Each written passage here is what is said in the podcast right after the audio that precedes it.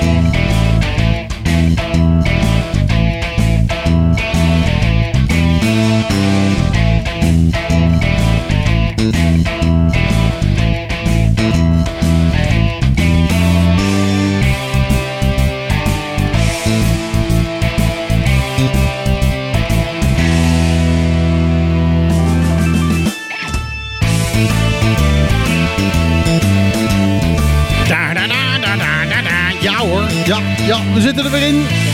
12 uur geweest. Het is tijd voor Op de Klippen. Het programma dat je kent van eh, actualiteiten en nieuws. Helaas, wij zijn er niet. Dus ehm, dit programma is vooraf we- we- opgenomen. zijn er, maar we zijn er niet. Ja, nou ja, je hoort ons wel, maar we zijn er niet. Eh, het is vooraf opgenomen, dit programma. Dat betekent dat we eh, dus niet echt het, eh, het nieuws nieuws aan kunnen pakken. Maar Je hoeft ook niet naar Trocadero te komen om ons daar live mee te maken. Nee, want ja, dan ja. vind je een leeg Trocadero. Nou ja, je ziet ons niet in ieder Ja, geval. Kijk. Trocadero, daar zitten gewoon mensen en die kunnen je gewoon koffie en dat soort dingen geven. Maar ehm, nee, en dan heb je ook trouwens prachtig uitzicht. Maar dat terzijde, nee, wij hebben dit al opgenomen in Trocadero. En ehm, wij zijn nu gewoon op vakantie. Maar ondertussen is het wel zo dat we natuurlijk wat mensen hebben uitgenodigd hiervoor. En dan kunnen we wat meer de diepte in. Mensen die wat meer te vertellen hebben dan eh, ik eh, organiseer een feestje volgende week en iedereen moet komen. Dat is het nu niet. Nee, nu hebben we echte mensen. Zo zit ik hier nu in mijn zwembroek naast de gezaghebber. Eh, maar goed, dat hoor je zo meteen wel meer over. Dit is Megahit FM 101.1 op de klippen.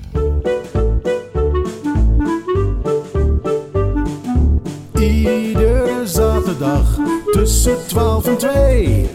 Live met Michiel en Martijn.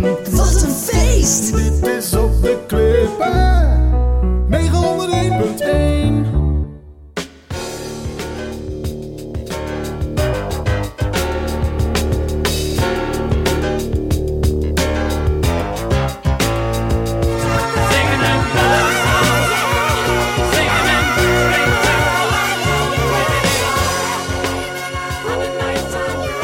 The Brothers Gibb, ook wel bekend als de Bee Gees, met Nights on Broadway. En dit was precies dat stukje waar ze nog eh, eh, een beetje laag zongen, maar ook al een beetje eh, voor het eerst dat hele hoge. En dan, ja, dan krijg je dit, The Nights on Broadway. En vanaf hier ja, zei de producer, joh, dat hoge, dat is best wel grappig. Dat moet je eigenlijk altijd gaan doen. En zo is het gekomen. Toen werden ze gewoon een nieuwe Bee Gees. Want daarvoor waren ze nog een beetje van... Have you seen my wife, Mr. Jones? En, en ja, dat is hier natuurlijk al lang achter ze. Ja, toen eh, werden ze een beetje, beetje beroemd. Nou, nou ja, ze waren eh, al best beroemd, maar toen werden ze nog een stukje beroemder. Eh, want toen hebben ze de dis hele disco hebben ze overgenomen. Ze zijn gewoon de disco Ja, geworden. Ja, de, de- echt helemaal hun stijl geworden. De, de, Saturday Night Fever ja. en dat soort dingen. ze hebben het helemaal naar zich toe getrokken. Ja, fantastisch. Er zit hier iemand die een groot fan van, van de Bee Gees is. Ja, Judith Brekelmans heb ik gehoord dat hij inderdaad een grote fan is van de Bee Gees. Die, eh, ook, ook, eh, eh, absoluut. die hebben we als speciale tafelgast hebben zitten. Maar we hebben een nog specialere tafelgast. Ehm, maar, ja, hoe heet je ook alweer? Misschien kun je jezelf even voorstellen. Op de eerste plaats een, eh, een goede middag. Ik, ik ben Nolly Oliana, tijdelijk eh, gezaghebber van het openbaar lichaam Bonaire. En wij lopen hier een beetje te geinen. Dat komt gewoon, we nemen dit op op een zondag en dat is onze vrije dag. En dan gaan we, gaan we ons eh, misdragen. Eh, het spijt me, meneer Oliana, maar ik mag Nolly zeggen. Eh, weet ik sinds een minuut. Eh, dus, eh, maar eh, we gaan natuurlijk een dieper gesprek eh, hebben dan dat we alleen maar eh, slap eh, ouwe hoeren. Dat Lijkt doen me we, toch. Dat doen we wel bij, als we weer alleen zijn. Dat, Ja, precies. Nolly, ehm, je bent ja, eh, plaatsvervangend. eh, Waarnemend. waarnemend, dat is het woord. Waarnemend gezaghebber, nu 100 dagen. Eigenlijk meer. meer dan 100 dagen. Ik ben eh, begonnen als gezaghebber. Want mijn officiële titel is waarnemend gezaghebber. Maar op het moment dat de gezaghebber zelf uitlandig is of niet in functie is, dan heb ik de volledige bevoegdheid. Dus dan krijg ik alle taken, verantwoordelijkheden en rollen die eigenlijk horen bij een gezaghebber. Die eh, neem ik dan over. Dus vanaf eh, 18 april ben ik eh, volledig in functie als gezaghebber. En eh, wie weet, misschien eh, het moment dat mijn opvolger er is, dat ik nog een tijdje aanblijf als eh, waarnemend gezaghebber. Maar dat betekent dat ik dan alleen maar word opgeroepen op het moment dat de gezaghebber eh, ziek is of eh, uitlandig is, et cetera. Dan pas ben ik weer in functie. Ja, want je hebt eh, bij, bij het aantreden van, van tenminste, dat, dat je deze functie eh, op deze manier eh, ging invullen, heb je ook gezegd van ik doe dat tot, tot het eind van dit jaar. Hè? Ja, dat klopt. want ik heb mijn contract als, of, als waarnemend gezaghebber, dat loopt af op 1 oktober van dit jaar. Ja. Dus ik verwacht dat de komende weken, dus de komende drie weken, dat ik misschien nog een contract krijg aangeboden. Maar dat moet wel een proces doorlopen. Dat betekent dat de eilandraad wel gehoord moet hebben om te kijken of zij akkoord gaan met de verlenging van mijn functie als gezaghebber en misschien later als waarnemend gezaghebber. Ehm, je bent eigenlijk met pensioen. Inderdaad, ik ben eh, op Je zou het niet zeggen, maar eigenlijk ben je met pensioen. Ja, eigenlijk ben ik met pensioen. Op eh, 26 januari van dit jaar heb ik afscheid genomen als afdelingshoofd van het ministerie van OCW om met pensioen te gaan. En Mijn pensioen heeft precies zeven weken geduurd. dus in die zeven weken tijd eh, ben ik benaderd door het ministerie van BZK met het verzoek of ik eh, voor een bepaalde periode gezaghebber wil zijn van Bonaire. Eerst eh, was het voor een vrij lange periode. Ik heb gezegd nee, dat wil ik niet. En toen hebben we nog onderhandeld. En eh, uit die onderhandeling kwam van tot het moment dat er een nieuwe gezaghebber wordt benoemd. Tot dat moment blijf ik dan gezaghebber. Eh, je was al waarnemend gezaghebber. Op het moment dat eh, je, je voorganger, eh, meneer, meneer Reina, eventjes inderdaad niet kon, eh, andere vergaderingen had of uitlandig was, dan nam je het over. Is er nou een verschil tussen dat- je waarnemend gezaghebber bent of nu echt de, volledig in functie bent? Het is een, een totale openbaring. Als je waarnemend bent, ben je niet op de hoogte van zeg maar alle gebeurtenissen. Dus je wordt gewoon eh, geïnformeerd over de acute zaken en die pak je dan aan. Maar nu heb ik een, een totaal beeld van wat een gezaghebber doet. En eh, wat de pijnpunten zijn, et cetera. Wat is jouw rol en wat voor positie moet je innemen ook om ervoor te zorgen dat de dingen die echt van algemeen belang zijn ook eh, de nodige aandacht krijgen. Dus ik probeer, eh, nou laat ik het anders stellen. In het begin, de eerste weken, zeiden de leden van het bestuurscollege dat ik me gedraag als een docent. En eh, steeds meer is het geworden zo dat ik eh, een coach ben. Dus Ja, ja. Die, die rollen zijn een beetje veranderd. Maar dat heeft ook misschien te maken met het feit dat ik eh, jarenlang ook docent ben geweest. Daar zei ik ook, niet zo verbazend. Juist, dus ik, ik heb geprobeerd om eh, vanaf de eerste dag, eh er waren drie dingen voor mij belangrijk. Eén, als we een beslissing nemen, moet het conform de regels. Dus het moet voldoen aan de wet en regelgeving. Het moet uitvoerbaar zijn. En verder moet het algemeen belang dienen.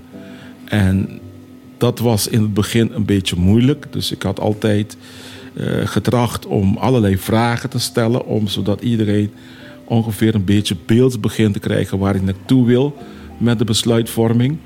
En steeds meer merk ik dat de leden van het bestuurscollege zijn aan mij gewend geraakt.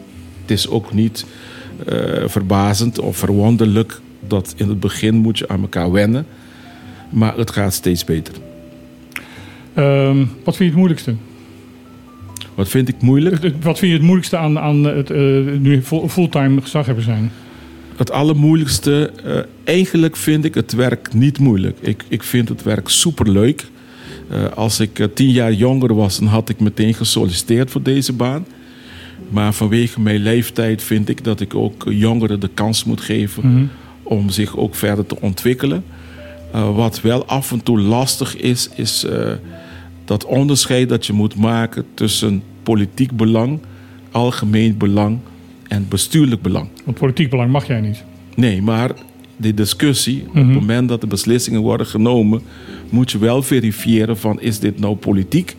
Is Ja, het nou bestuurlijk? ja, En je moet, eh, de mens, je moet wel altijd de juiste vragen stellen om achter te komen van wat zit er hier precies achter.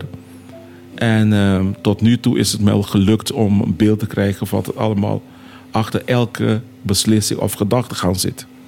Ik hoorde van, eh, van- van vorige eh, gezaghebbers, niet, niet alleen de vorige, maar meerdere, dat zij de vergadering met de Eilandsraad eigenlijk het lastigste vonden. Vind jij dat ook? Nee, ik vind eh, juist de eilandraad vind ik eh, super, super leuk om te doen. Het, het, het, het verbaast mezelf af en toe.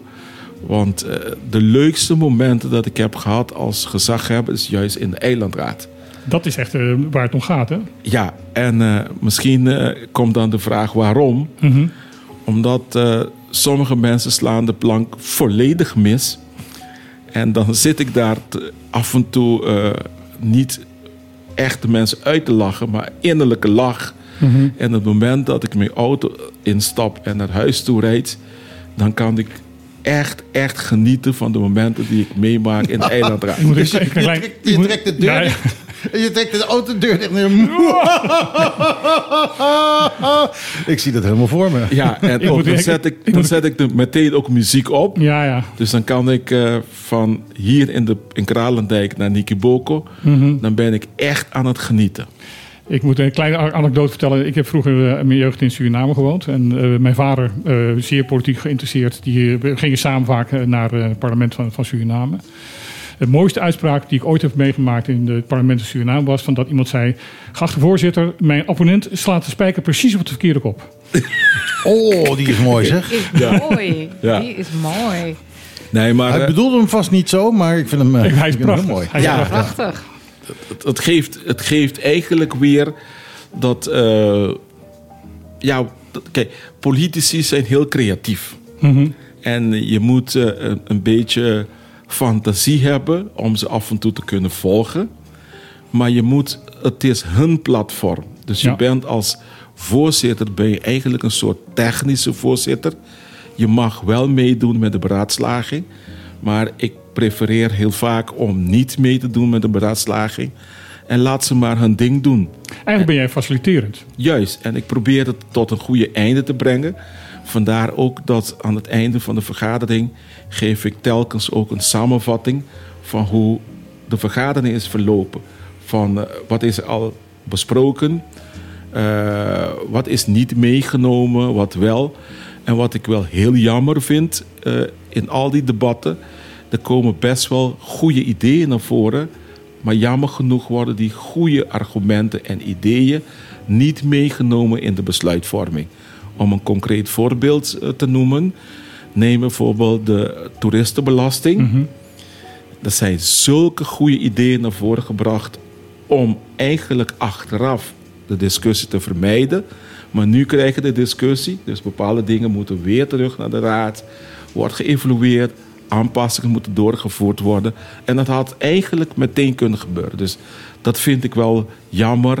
En de, ze, zeg maar, zowel coalitie en oppositie snappen de hele mechanisme van zeg maar, de eilandraad niet altijd. Dat eilandraad, volgens mij, is er om te proberen om consensus te bereiken. En als je inderdaad niet eens bent met elkaar, oké, je mag ook oneens zijn. Ja, Maar probeer zoveel mogelijk consensus te bereiken. heel helder verhaal. En eigenlijk eh, ben je nog steeds docent dus. Ja, ik, ja, ik ben docent, maar ik, ik, ik ben ook een, een mens. Dus je moet ook af en toe je gezond verstand gebruiken. Maar ook je moet leren analyseren.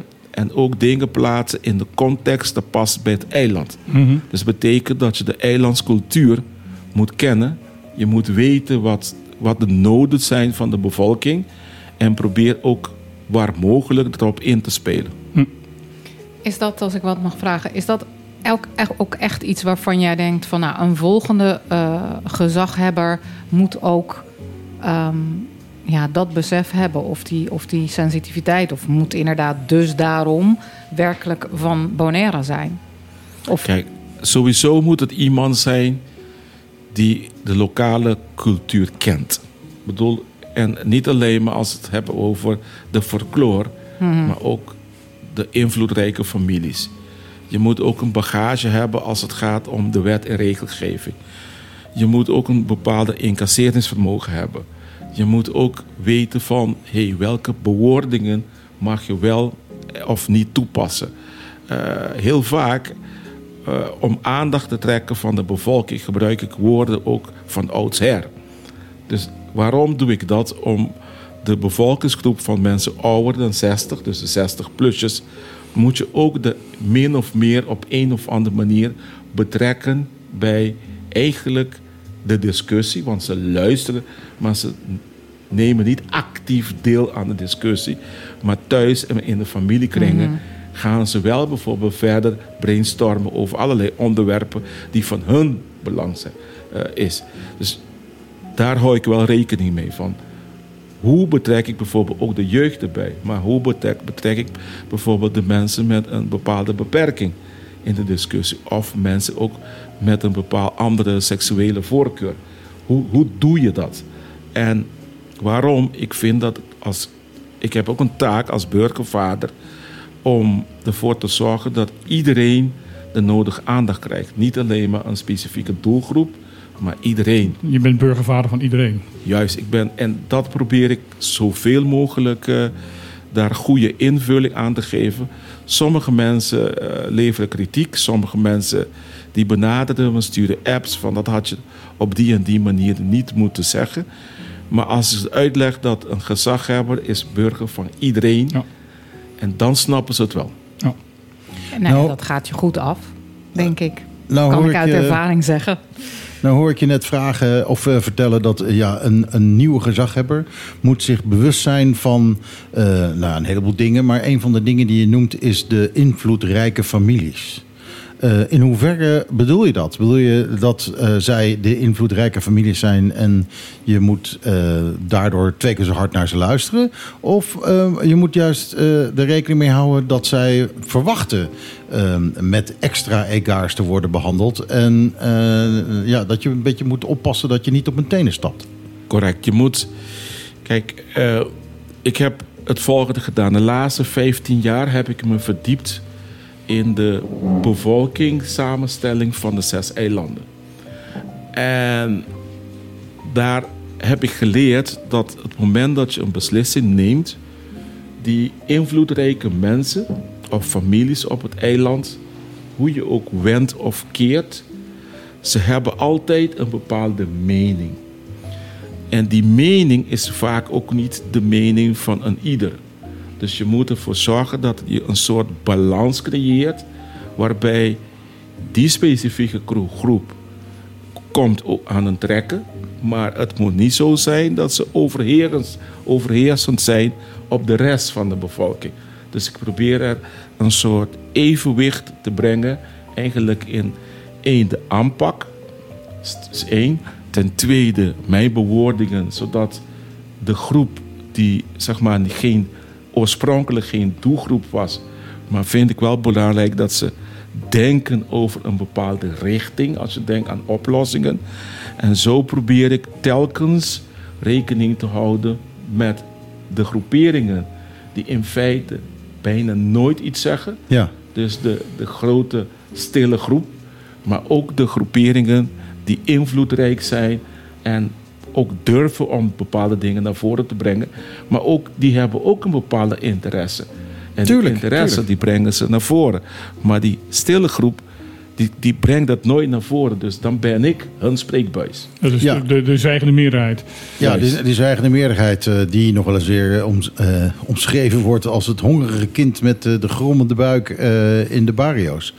Uh, ja, ben ik, ben ik helemaal met eens. Want inderdaad, die invloedrijke families... die kunnen al vaker wel eens een keer als argument naar voren sturen... van ja, maar ik, ik ben de, de vierde generatie van de familie, zus of zo. En daarom... Heb ik wat te zeggen. En als jij het daar niet mee eens bent, dan moet je maar terugkomen als jij ook vierde generatie bent. En dat is natuurlijk geen argument. Nee, dat is voor mij absoluut geen argument, want democratie betekent het volk beslist. Dat betekent dat het volk bestaat niet alleen maar uit de invloedrijke families, maar bestaat uit de hele samenleving. Ja. En daar moet je rekening mee houden. Zelfs de mensen of kinderen die nog moeten geboren moet je ook rekening mee houden. Bijvoorbeeld als het gaat om verdeling van gelden, als het gaat om financiële maat, maatregelen dat je moet nemen. Je moet denken van hé, hey, die de generatie dat volgt, wat moet ik zoal doen om ervoor te zorgen dat ze ook een redelijk dat het dan- bestaan dat kunnen op hun hebben? eiland blijft. Juist. Ja. Ja. Dus dat, daar hou ik ook allemaal rekening mee. Maar ik moet wel erbij zeggen, eh, op zich is dit geen makkelijke klus. Als Nee, je dat, dat nee, wou ik als je ook dat zeggen. moet nadenken over al die groeperingen binnen je samenleving. Dat betekent één, je moet heel vaak gesprekken voeren met de mensen. Geef ze platform om zich te uiten. Ja, ja. En dat betekent dat je als burgervader ook naar allerlei activiteiten moet gaan. Ook aandacht moet schenken, bijvoorbeeld aan mensen bijvoorbeeld die invalide zijn. Ga ik bijvoorbeeld de persoon bezoeken thuis. Of ik ga naar verjaardagen van mensen op leeftijd. Of verjaardagen van kinderen. Dus ik ga, of ik ga bijvoorbeeld naar een Chinees restaurant waar ik weet van tevoren, daar kom ik bepaalde groeperingen tegen. Dus je moet je dan begeven onder de bevolking om een goed beeld te krijgen van wat leeft er allemaal en wat willen ze en hoe denken ze eh, om de problemen op te lossen. En ik zeg heel vaak de laatste tijd tegen heel veel mensen, ik weet de oplossing niet. Maar ik krijg de oplossing altijd van de lokale mensen waarmee ik praat. Het lijkt me geen makkelijke baan, maar het lijkt me wel een hele fascinerende baan. Het is een superleuke baan. Ik herhaal nogmaals, als ik tien jaar jonger was, Mhm. dan had ik zeker gesolliciteerd. Maar, want waarom? Het geeft mij energie. Het geeft mij, dan krijg ik het gevoel altijd van wat kan ik allemaal nog extra betekenen. Maar het is ook goed om te vermelden dat de ervaring die ik heb gehad voor deze periode heeft ook bijgedragen dat ik deze functie eh, leuk vind en zo eh, zeg maar breed inzetbaar ben om dingen ook binnen de bevolking goed te kunnen begrijpen. We gaan even een eh, muziekje draaien. We gaan straks hebben over datgene wat je wil gaan doen na dit jaar. Goed idee. Eh, ik heb, eh, we hadden net de Beatles, eh, de Beatles, de Bee Gees natuurlijk. Ehm, en die hebben ook een liedje geschreven dat door een andere artiest is uitgevoerd. En dat schijnt ook een favoriete artiest te zijn van Nolly.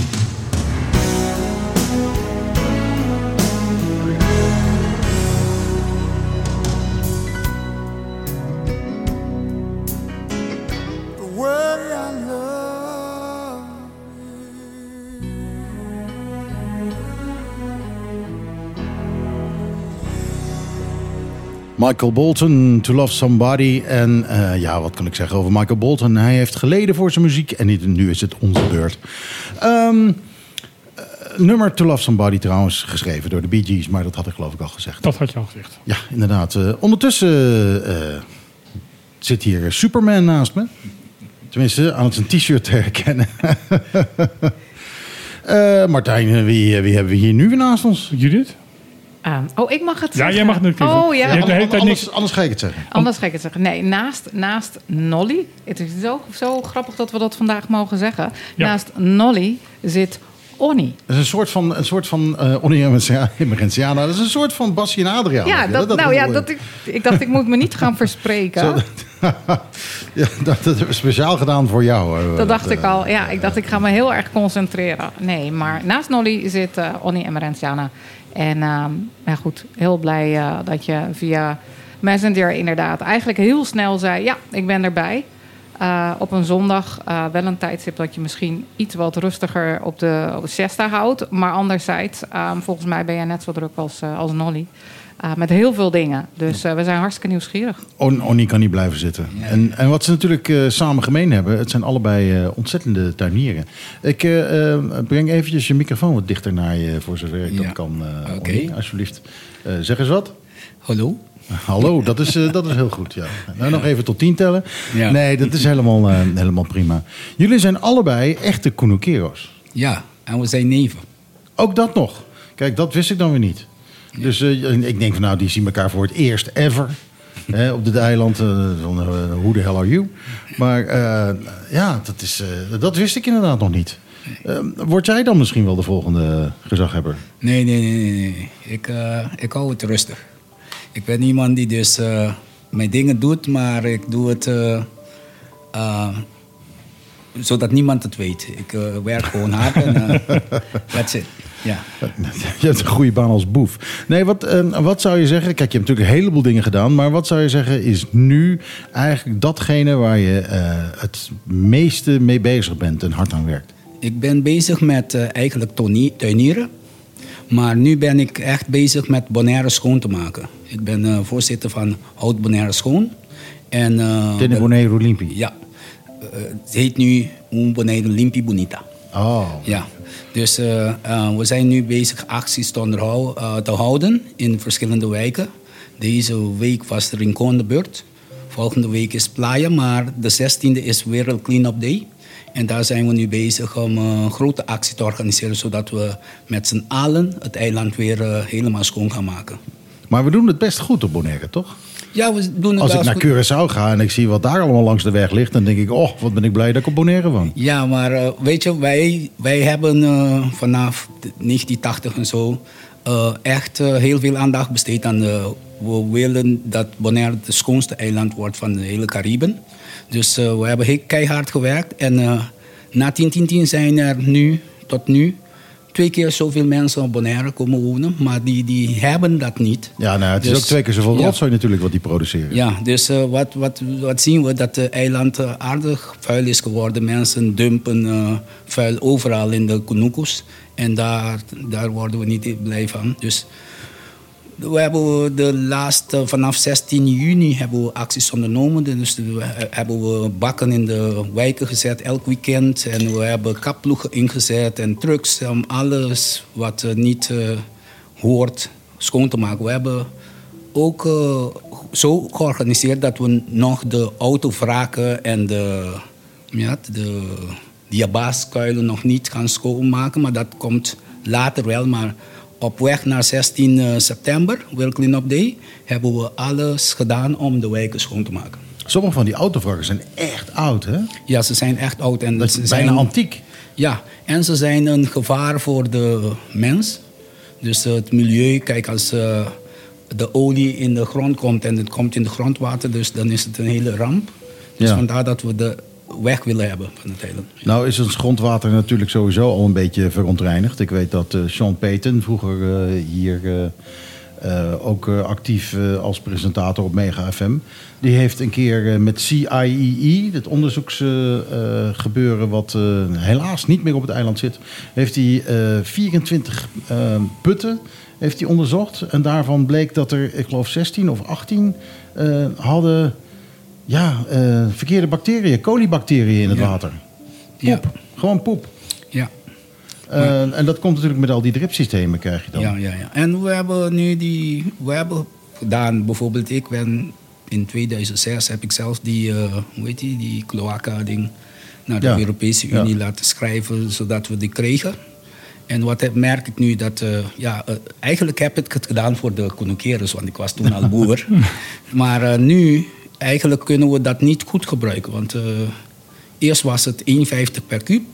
Nou, kon de het brengen, maar later is het door Cruzade overgenomen, werd het 7 dollar per kuub. Dus het was eh, duurder dan. eh, Even, uitleggen, het, het gaat om het, eh, het, het, het, het, water wat door, door de, Ja. de, het schoonmaak, de, de schoonmaakcentrale, de, de, de waterzuiveringsinstallatie, zo moet je het Ja.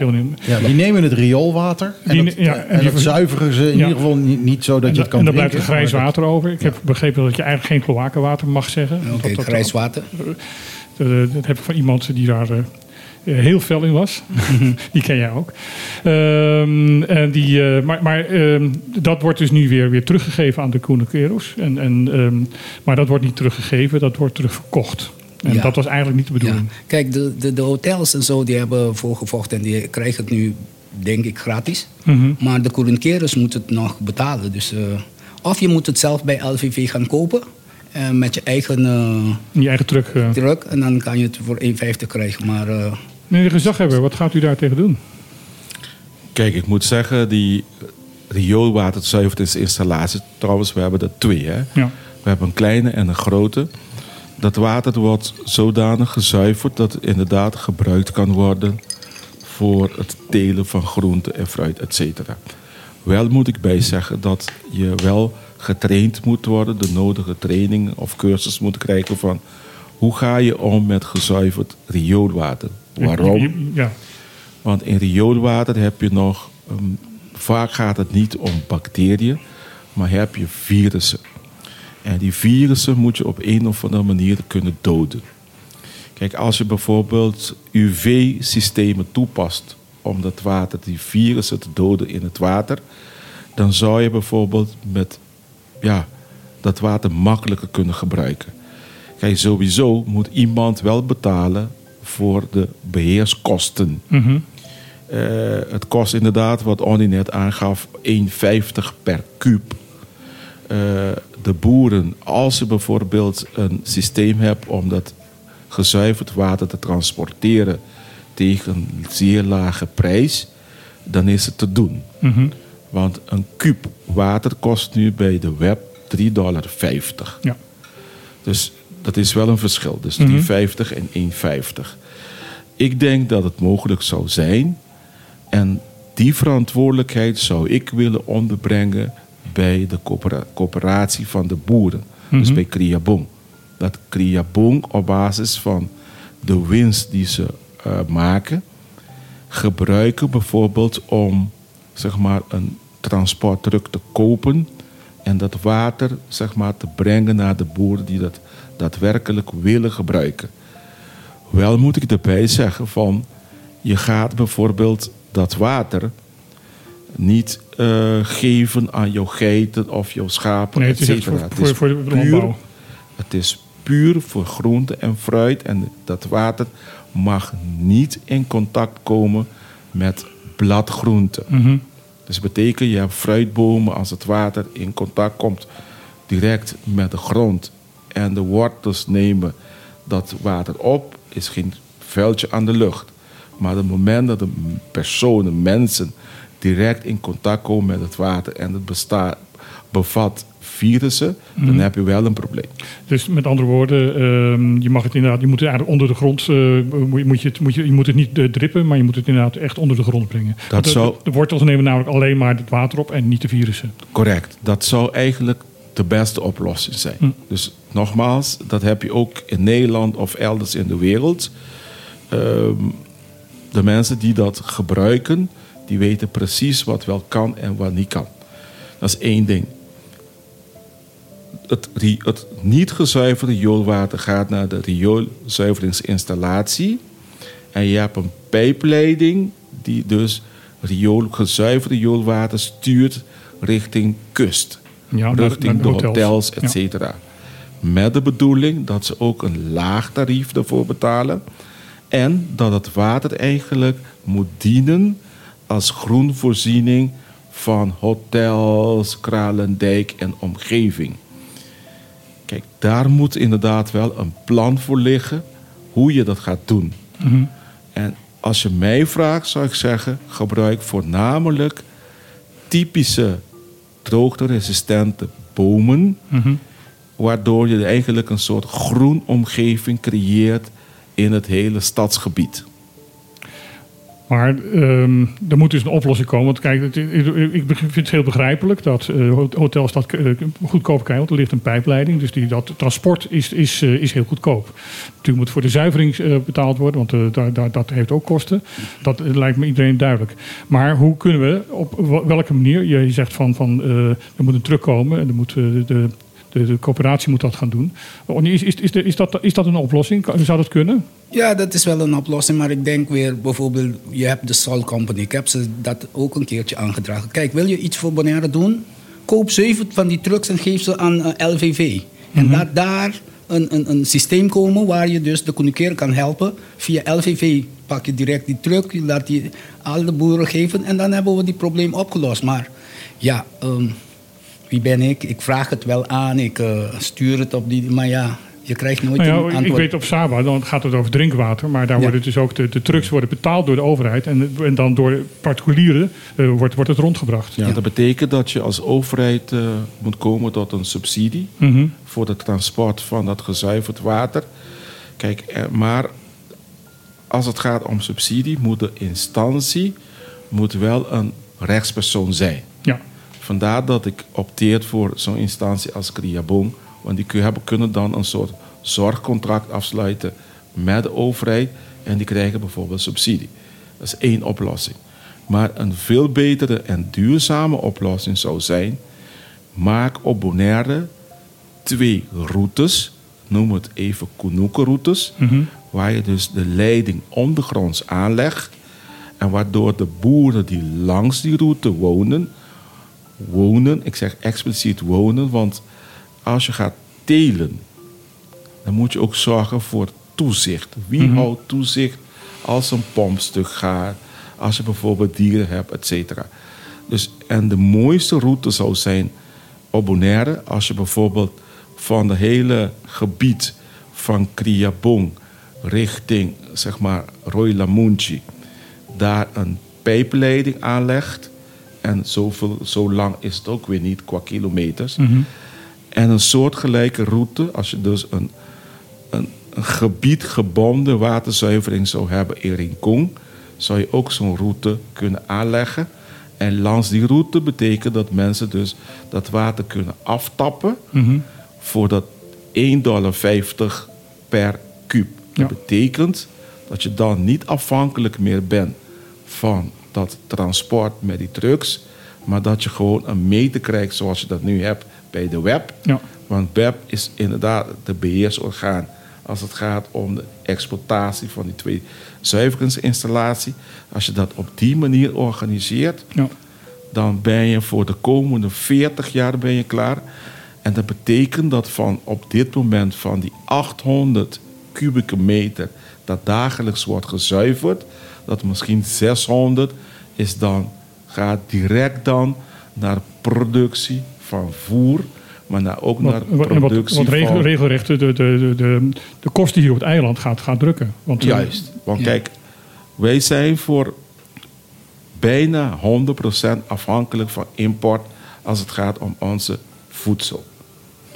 Ik denk dat Bonaire over de potentie beschikt om minimaal 50% van de voedingsmiddelen lokaal te produceren. Mag ik nog een, een, een- een idee eh, erbij? Eh, ik ben ben regelmatig op Saba geweest. Ik vind dat ze daar heel interessante dingen doen.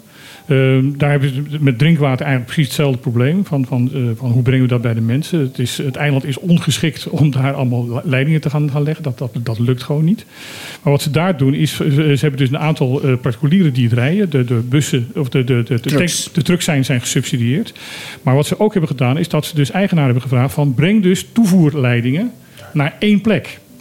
Zodat die truck op één plek hoeft te staan, alleen maar tsk, tsk, tsk, zo die verschillende aansluitingen te maken. Dat gaat veel sneller en wordt veel goedkoper. Ja. Ja. Kijk, want om zo'n leiding aan te leggen, zeg maar van gebied van Ambuana richting Roylamuntje. Mhm. Want richting Roylamuntje heb je, kom je door dat hele gebied van Baradicarta.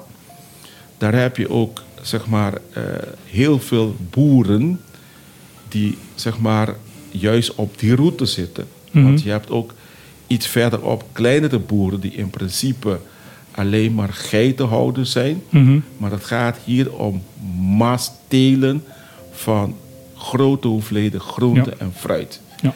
En, heel belangrijk, omdat het gaat om, om mensenleven, moet je ook inspectie hebben Ja. die telkens de kwaliteit controleert. Want dat is iets wat wij nog niet hebben. En ik denk dat als overheid, dat een instantie als LVV moet dienen als een soort inspectie, die regelmatig langs de boeren die op die route zitten gaat, maar niet alleen maar gaat om te inspecteren naar de kwaliteit van het voedsel, maar ook boeren moeten bijstaan met adviezen, met ideeën, wat kan wel en wat kan niet. Ja. Als je dat op een professionele manier organiseert, conform het rapport van Theodora Beuning van het ministerie van Economische Zaken van Nederland. Waarbij dus een bedrag eh, eigenlijk, kijk, zij gaf aan in dat rapport, als je ehm, zo'n route zou hebben en zeg maar twee ton zou geven van elke boer die meedoet aan zo'n traject, wel met de nodige ondersteuning, et cetera, dan krijg je professionele akkerbouw. Ja. Wat wij heel vaak proberen te doen op Bonaire is dingen kleinschalig aanpakken. Maar kleinschalig betekent ook te veel risico's. En want als je een bedrijf opzet, zeker in ons klimaat, moet je rekening houden met één. Heb je voldoende water? In dit geval, als je die leiding aanlegt, ja. Want er zijn drie componenten willen telen. Dat gaat om goede grond, water en zon. Zon En- hebben en we in overvloed. En arbeid. Arbeid, eigenlijk wat je moet doen, niet zoals 50, 60 jaar terug. Dat betekent dat je met, op een machinale manier groenten moet telen. Als je dat op die manier doet, betekent dat je de kosten, je productiekosten behoorlijk kan drukken. Dat is één aspect. Tweede aspect. Je moet zorgen dat je juist de producten teelt die resistent zijn in dit weer. Dus in plaats bijvoorbeeld dat je ehm een sinaasappel gaat telen, teelt gewoon Shimaruku. Want in Shimaruku zit zeven keer meer ascorbinezuur, dat betekent vitamine C, dan een sinaasappel. Teelt meer tamarinde, want in tamarinde zit meer ascorbinezuur dan in sinaasappel. Teel papaya, dus teel eh, watermeloenen, suikermeloenen, etc. Woestijnkomkommer. Dus teel juist dingen die eigenlijk hier goed groeien, maar die dezelfde of een hogere voedingswaarde hebben dan de producten die je importeert. Wij moeten even naar de reclame. Moeten we naar de reclame? Nee, ik draai eerst een leuk plaatje van Derek en de Domino's.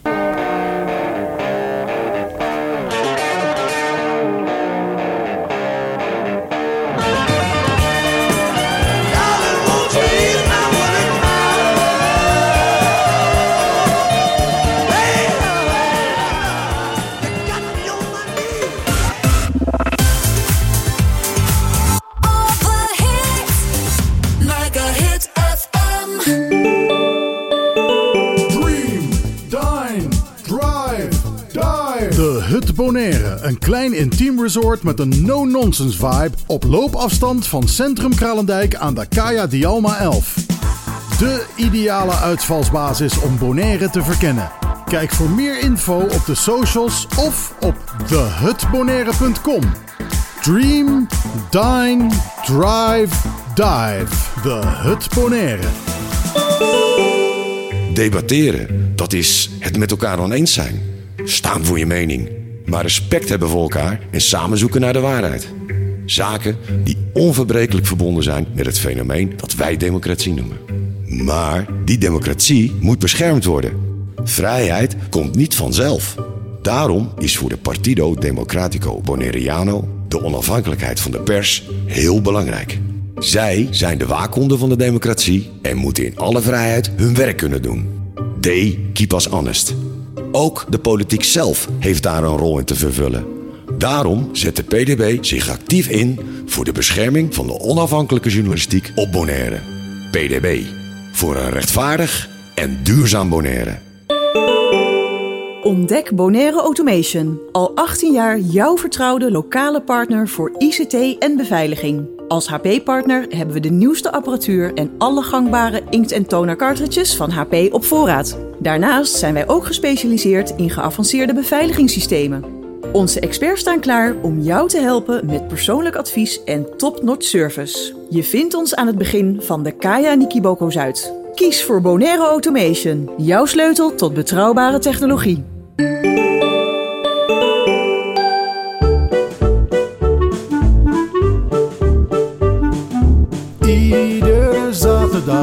Tussen 12 en 2.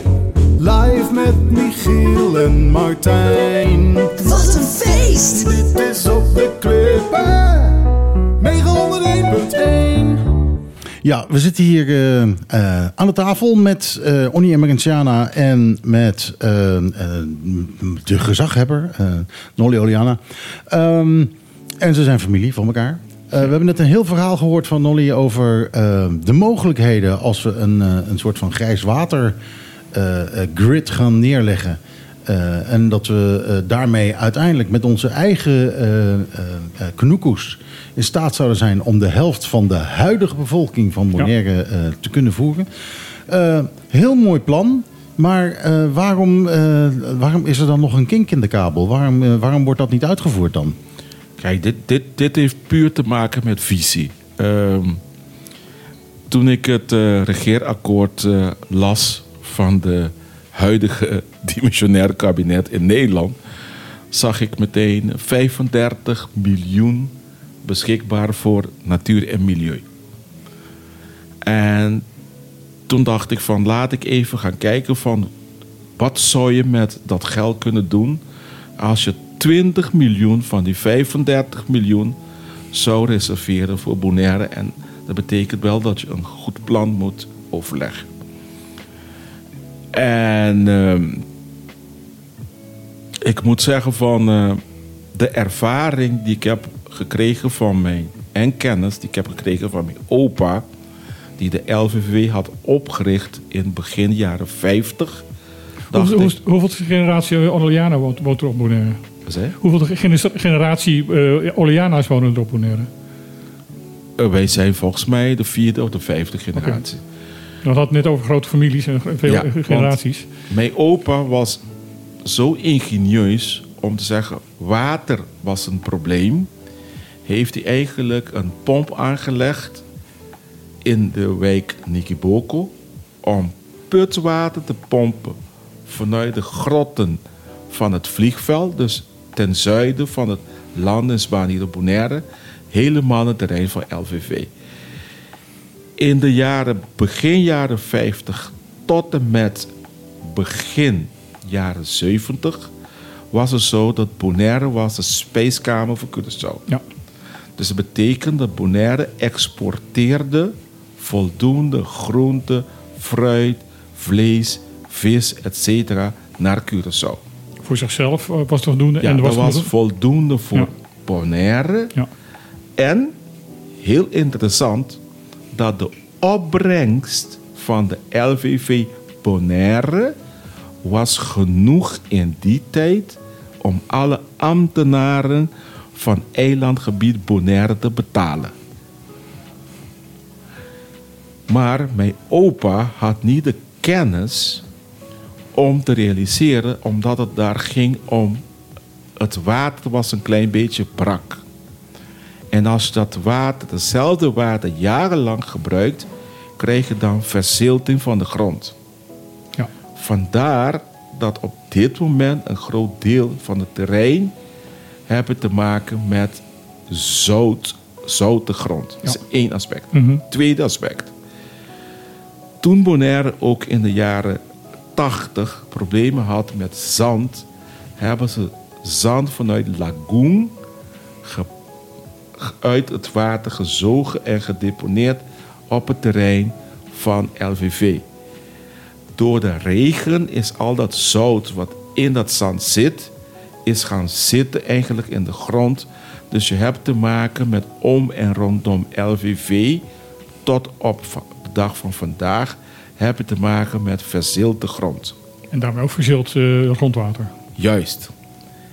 Nu dat je bijvoorbeeld dat waterzuiveringsinstallatie hebt, als je dat water laat sijpelen naar beneden toe door de diabaas, krijg je ook, en als je dat probleem van virus niet Mhm. op een juiste manier aanpakt, dan krijg je te maken dat het water, rioolwater, het gezuiverd rioolwater, in contact komt met grondwater.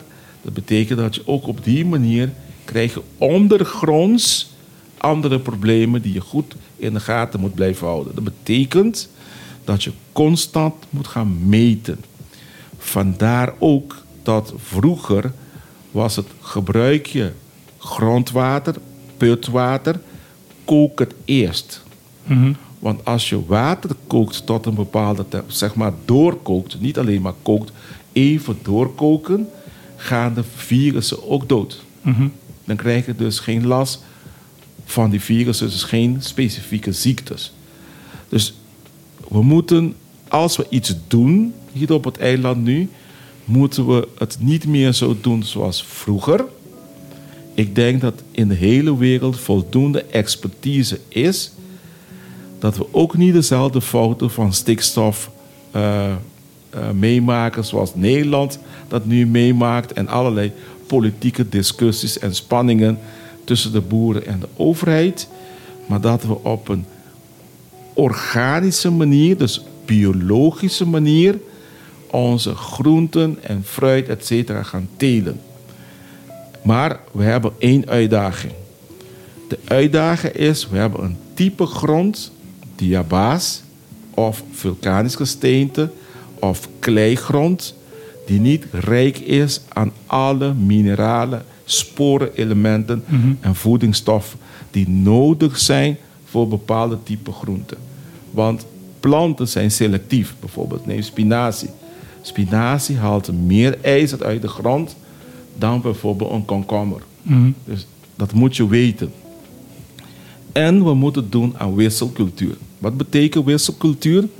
Wisselcultuur betekent als je vandaag hier woestijnkomkommer plant, moet je ervoor zorgen dat je de volgende keer een andere plant daar neerzet. Pas na de derde keer mag je weer, zeg maar, die spinazie afwisselen, zodat Dus je inderdaad de, de, je de grond weer rijker kan worden Juist. voor de ene stof. Juist. Nonnie, ik heb slecht nieuws voor jou. Ja? Je moet uh, gezaghebber blijven. Ja. Goed nieuws. Kijk, één ding. Vanwege mijn leeftijd en Ah, vanwege... Biden die is ook 80.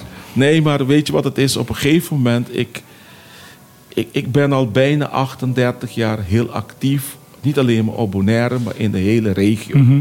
Dus op een gegeven moment heb ik besloten van... hé, hey, je moet ook ruimte maken voor jongere mensen. Mhm. Maar ik blijf wel bereid om anderen te steunen, te helpen... met allerlei adviezen. Maar ik heb ook begrepen dat je gewoon echt je passie wil gaan, wil gaan uitvoeren. En dat is Koen de Kero. Juist, ik wil terug naar mijn roots. Waar mijn opa heeft me grootgebracht. Mhm. Dus ik wil terug naar mijn roots. En vandaar ook dat ik bezig ben met een, een modern boerderij. En over vijf tot zes maanden is het op en running. Wordt dat een soort modelboerderij? Ik Wordt een soort net voorbeeld? zeggen, zou dat, inderdaad... is het idee dat ik een soort model maak. En dan kunnen de anderen komen kijken van waar moet je allemaal rekening mee houden. Eén aspect. Bijvoorbeeld, we hebben de Noordoostpassage. We hebben af en toe best wel flinke eh, windstoten. Mhm. In die periode, stel bijvoorbeeld, jouw gewassen staan in bloei. Door de flinke wind vallen al die bloemetjes van die plant weg. geen Dat betekent, jouw productie gaat behoorlijk achteruit. Ja. Dat betekent, je moet manieren bedenken. Hoe ga ik windschuttingen maken? Hoe hou ik leguanen en hagedissen buiten mijn erf? Zonder gebruik te maken van giftige stoffen. Hoe zorg ik dat mijn grond optimaal wordt bijgevoed? Want de grond, de planten halen een eten uit de grond. Dus dat betekent dat je je grond constant moet bijmesten. Wat voor type mest gebruik ik? Gebruik ik Geen kunstmest. kunstmest Mhm. of gebruik ik compost? Als je kunstmest gebruikt, krijg je te maken met overbemesting. Ja. En daar moet je goed rekening mee houden, want in plaats dat je productie dan stijgt, krijg je mindere productie. Ja. Als je gebruik maakt van biologische mest, heb je dat probleem niet. Dus er zijn keuzes die wij moeten maken. En ik, in, in mijn visie, die ik heb geschreven voor Bonaire, het is een presentatie van vier klokuren, staat heel duidelijk in laten we van al het vuil wat we produceren op het eiland gebruiken als grondstof voor ons voortbestaan. Als we al het organisch materiaal dat we gebruiken in de keuken kunnen scheiden en composteren. Als we alle dierlijk mes op die van honden en katten kunnen composteren. En waarom die van honden en katten niet? Want die hebben in een maag, in plaats wij hebben zoutzuur in onze maag. Maar die beesten, die hebben die katten en die honden hebben fosforzuur. Zodat dat die botten eigenlijk kunnen oplossen. Ja. Et cetera. Dus vandaar maar, die fosforzuur heeft een negatieve werking op onze grondsoort. Daarom vinden eh leguanen de, de, de poep van honden en katten zo lekker. Ik denk wel dat ik een nieuwe. Ik, ik, ik heb een nieuwe carrière voor eh, de beide heren, volgens mij. Want wat ik me afvraag nu. We moeten afsluiten trouwens, want we moeten naar een volgende Ja. onderwerp. Helaas, helaas, helaas. Nou ja, ik ben op zoek naar school. Waarom hebben we hier niet een, gewoon een landbouwschool. MBO Ja. landbouw. Hele goede vraag. En we gaan we daar dan mee afsluiten en dan. Nou, ik wil, ja. Onnie heeft er nog weinig kunnen zeggen. Eh, die mag het laatste woord hebben. Ehm, hoe zie jij, wat, ja, wat, wat, wat is jouw toekomstbeeld? Daar, waar wil jij naartoe? Nou, wat Nolly net vertelde, doe ik ook. Ik doe hetzelfde. Mhm. Ik plant bomen, ik eh, doe aan kassen en ik eh, mest mijn grond ook met eh, materiaal, soms dierlijk en bijvoorbeeld heel veel bladeren en zo. Dus dat wat hij net vertelde, doe ik ook. Misschien Mhm. op mijn manier, maar het komt op hetzelfde neer. En dat, wat hij probeert te doen, doe ik ook. Ik heb ook mijn mo- modelboerderij, Mhm. want eh, ik ben ook gestopt met werken om te gaan boeren. Ja. Dus de, zodoende ehm, probeer ik dingen uit. En om zo andere mensen te leren hoe ze dat moeten doen. En een van de dingen is bijvoorbeeld bomen planten. Bijvoorbeeld die, die, die, die bomen die zorgen ervoor als die harde wind is, dat die gewoon over die, die, die, die planten heen gaat. Dus er zijn heel veel manieren. Ik doe meer nu aan perma- permacultuur. Mhm. Dus ik heb die, die permacultuur overgenomen.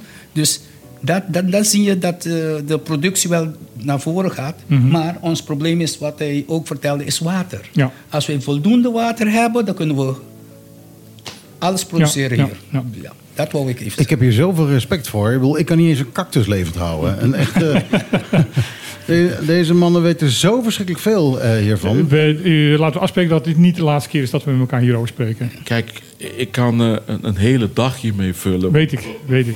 Dus Weet ik. En dat, eh, daar gaan we ook misbruik van maken. Ik denk dat het wel zinnig is ook om eh, wat van dit soort kennis eh, gewoon aan de luisteraars te geven. Nou, dat die ook in hun eigen tuin Ja. dingen kunnen neerzetten. Ik denk dat daar ook best wel nog wat te vinden valt. Het is helaas dat ik geen eigen tv-zender meer heb. Anders zou ik daar gebruik van gaan maken. Ja, Michiel. in- ik heb een eigen tv-zender, maar ja, die is alleen voor toeristen. Dat Ja. krijg je dan ook weer. Muziekje, dan gaan we naar de volgende gasten. Ja, ik heb een heel toevallig... Eh, heren, ontzettend bedankt voor deze alle informatie. Het was ontzettend interessant. Ik heb echt, dit, dit zijn de uitzendingen waar ik dus echt heel veel van leer. En eh, het is niet alleen, ja, juist omdat het niet nieuws is, maar juist omdat er achtergrondinformatie is.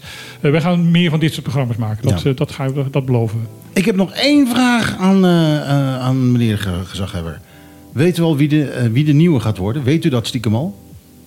nee, dat, helaas weet ik dat niet, want ik eh, wil het ook heel graag weten. Ja. Oh, Oké, oké. Nou ja, dan helaas. eh, misschien u, weet u misschien wanneer het antwoord gaat komen?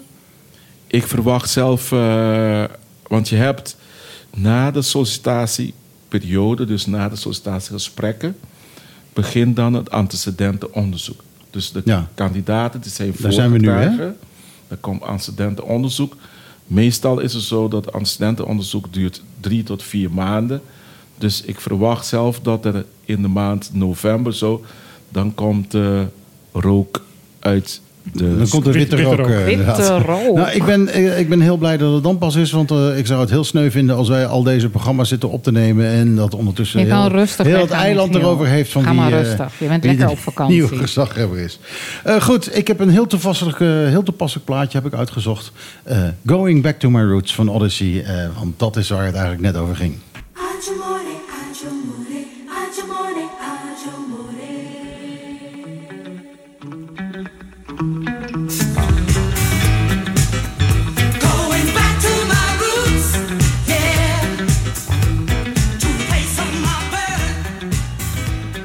De discoband Odyssey met Going Back to My Roots. En de originele versie hiervan is een hele LP-kant lang.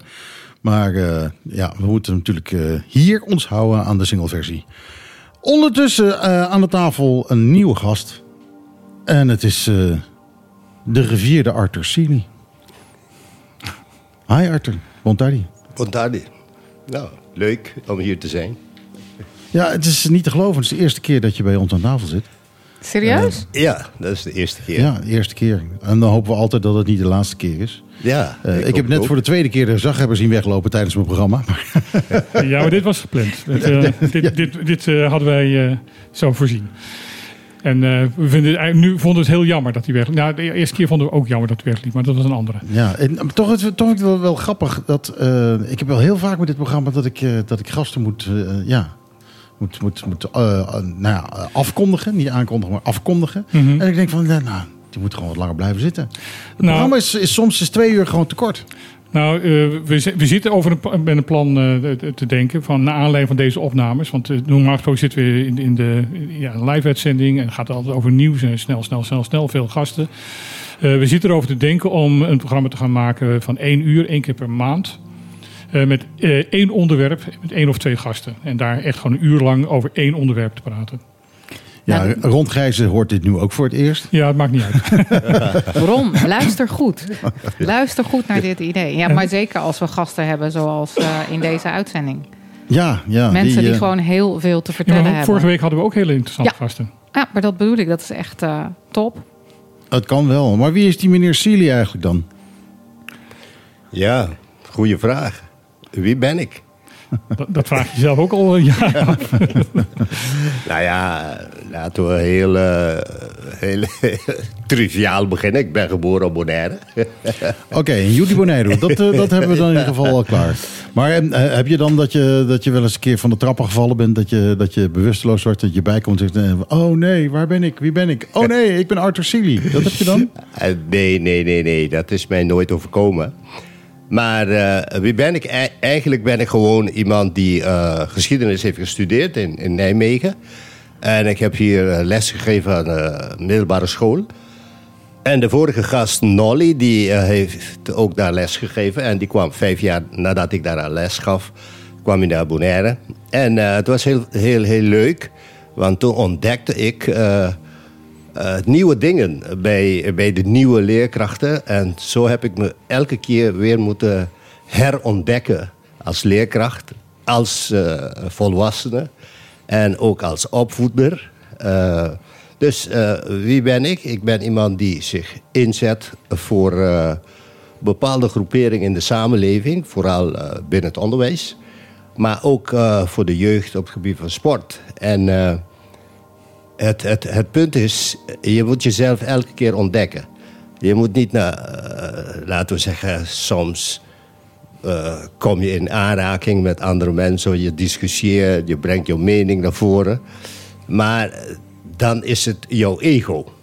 Maar je moet proberen om achter jouw ego te gaan kijken, te gaan onderzoeken. En dat is nou juist een, een, vervelende, een vervelende en moeilijk terrein om erachter te komen. Dat noemen ze jouw ziel. Ja. Dus, ja. dan dus wie ben ik? Ik ben een persoon op zoek naar, naar, naar het oud worden. En elke keer ontdekken wat heeft mijn ziel mij te vertellen. Ja. Dat ben ik. Ja, eh, Oké. eh, mooi, mooi, mooi. mooi. ja, het is, ik vind het heel dichterlijk. Weet je zeker dat het geschiedenis is wat je gestudeerd hebt? Eh, Nou, als ik naar mijn eigen vader kijk, die ook geschiedenis gestudeerd heeft, dan hoort het volgens mij ook bij het vak geschiedenis dat je dit soort filosofieën hebt. Ja, ja, ja. Want je bent constant met het verleden bezig. Je bent constant met eh, van waar we nou van vandaan komen. Hoe Ja. dingen zijn, zijn gebeurd waardoor het, van het heden is zoals het heden. Daar word je filosofisch van. Ja, nou vind ik dat verleden ook wel machtig interessant. Zeker als het gaat om Bonaire. Want er is, eh, denk ik, eh, vooral nog heel veel wat we niet weten over de geschiedenis van Bonaire. Eh, wat is uw visie erop? Ja, dat klopt. Omdat er zijn weinig onderzoeken gedaan. relatief gezien dan. Want de meeste onderzoeken die gedaan zijn... die zijn vanuit, vanuit Europese standpunt gedaan. Van de fraters, de nonnen, de, de bisschoppen, de leerkrachten... de wetenschappers die uit eh, Europa kwamen. Niet alleen uit Nederland, want soms denken de mensen dat de geschiedenis van Bonaire alleen geschreven is door Nederlanders. Maar er zijn ook eh, eh, dagboeken van een Duitse arts. Er zijn ook van eh, meneer eh, van, van Joden die hier ge- eh, gewoond hebben. Van Frans sprekenden die, die uit eh, eh, Santo Domingo zijn gekomen. Uit Haiti die gevlucht zijn, naar Bonaire zijn gekomen. Maar die liggen daar en er wordt daar niks mee gedaan. Er wordt geen onderzoek gedaan en er wordt niet gekeken naar de geschiedenis vanuit het standpunt van zij, die juist de zeilen van de Europeanen hebben gezien en hier naartoe zijn gekomen. Dus eh, wij zijn nu bezig met eh, stuk of vier, vijf historici op het eiland. En wij proberen dan iets vanuit het Bonaireaanse oogpunt iets te bestuderen. En eh, dat is nou juist het punt van hoe bestudeer je de geschiedenis vanuit jouw eigen standpunt. Maar dan moet je eerst gaan eh, formuleren van wat wil je weten. Dat je niet eh, zo'n beetje, eh, ja, hoe zal ik het zeggen, dat je alle, alles gaat praten naar jouw mening. Maar je moet dus juist dingen onderzoeken. En dan moet je de, de techniek hebben en je moet ook de tijd hebben. En je moet ook eh, goede archieven hebben en goede bibliotheken en goede netwerken. Ja, goede- inderdaad. Want je moet, die, die bibliotheken die zijn er, maar die zijn niet op Bonaire. Nee. Daar nee. moet je op een of andere manier bij zien te komen. Ja, maar dat was vroeger het geval. Maar nu heb je via internet Ja. kun je een hoop dingen doen. Ja, maar, maar ja, je kunt er niet altijd bij. Eh, eh, kijk, voor mij zijn, zeker als het om Bonaire gaat, eh, vraag ik me altijd af wie, wat, wanneer, waar en waarom. Ja. Ehm, en ja, dat, dat, dat- u bent een van de mensen die, die daar enig eh, zicht op hebt.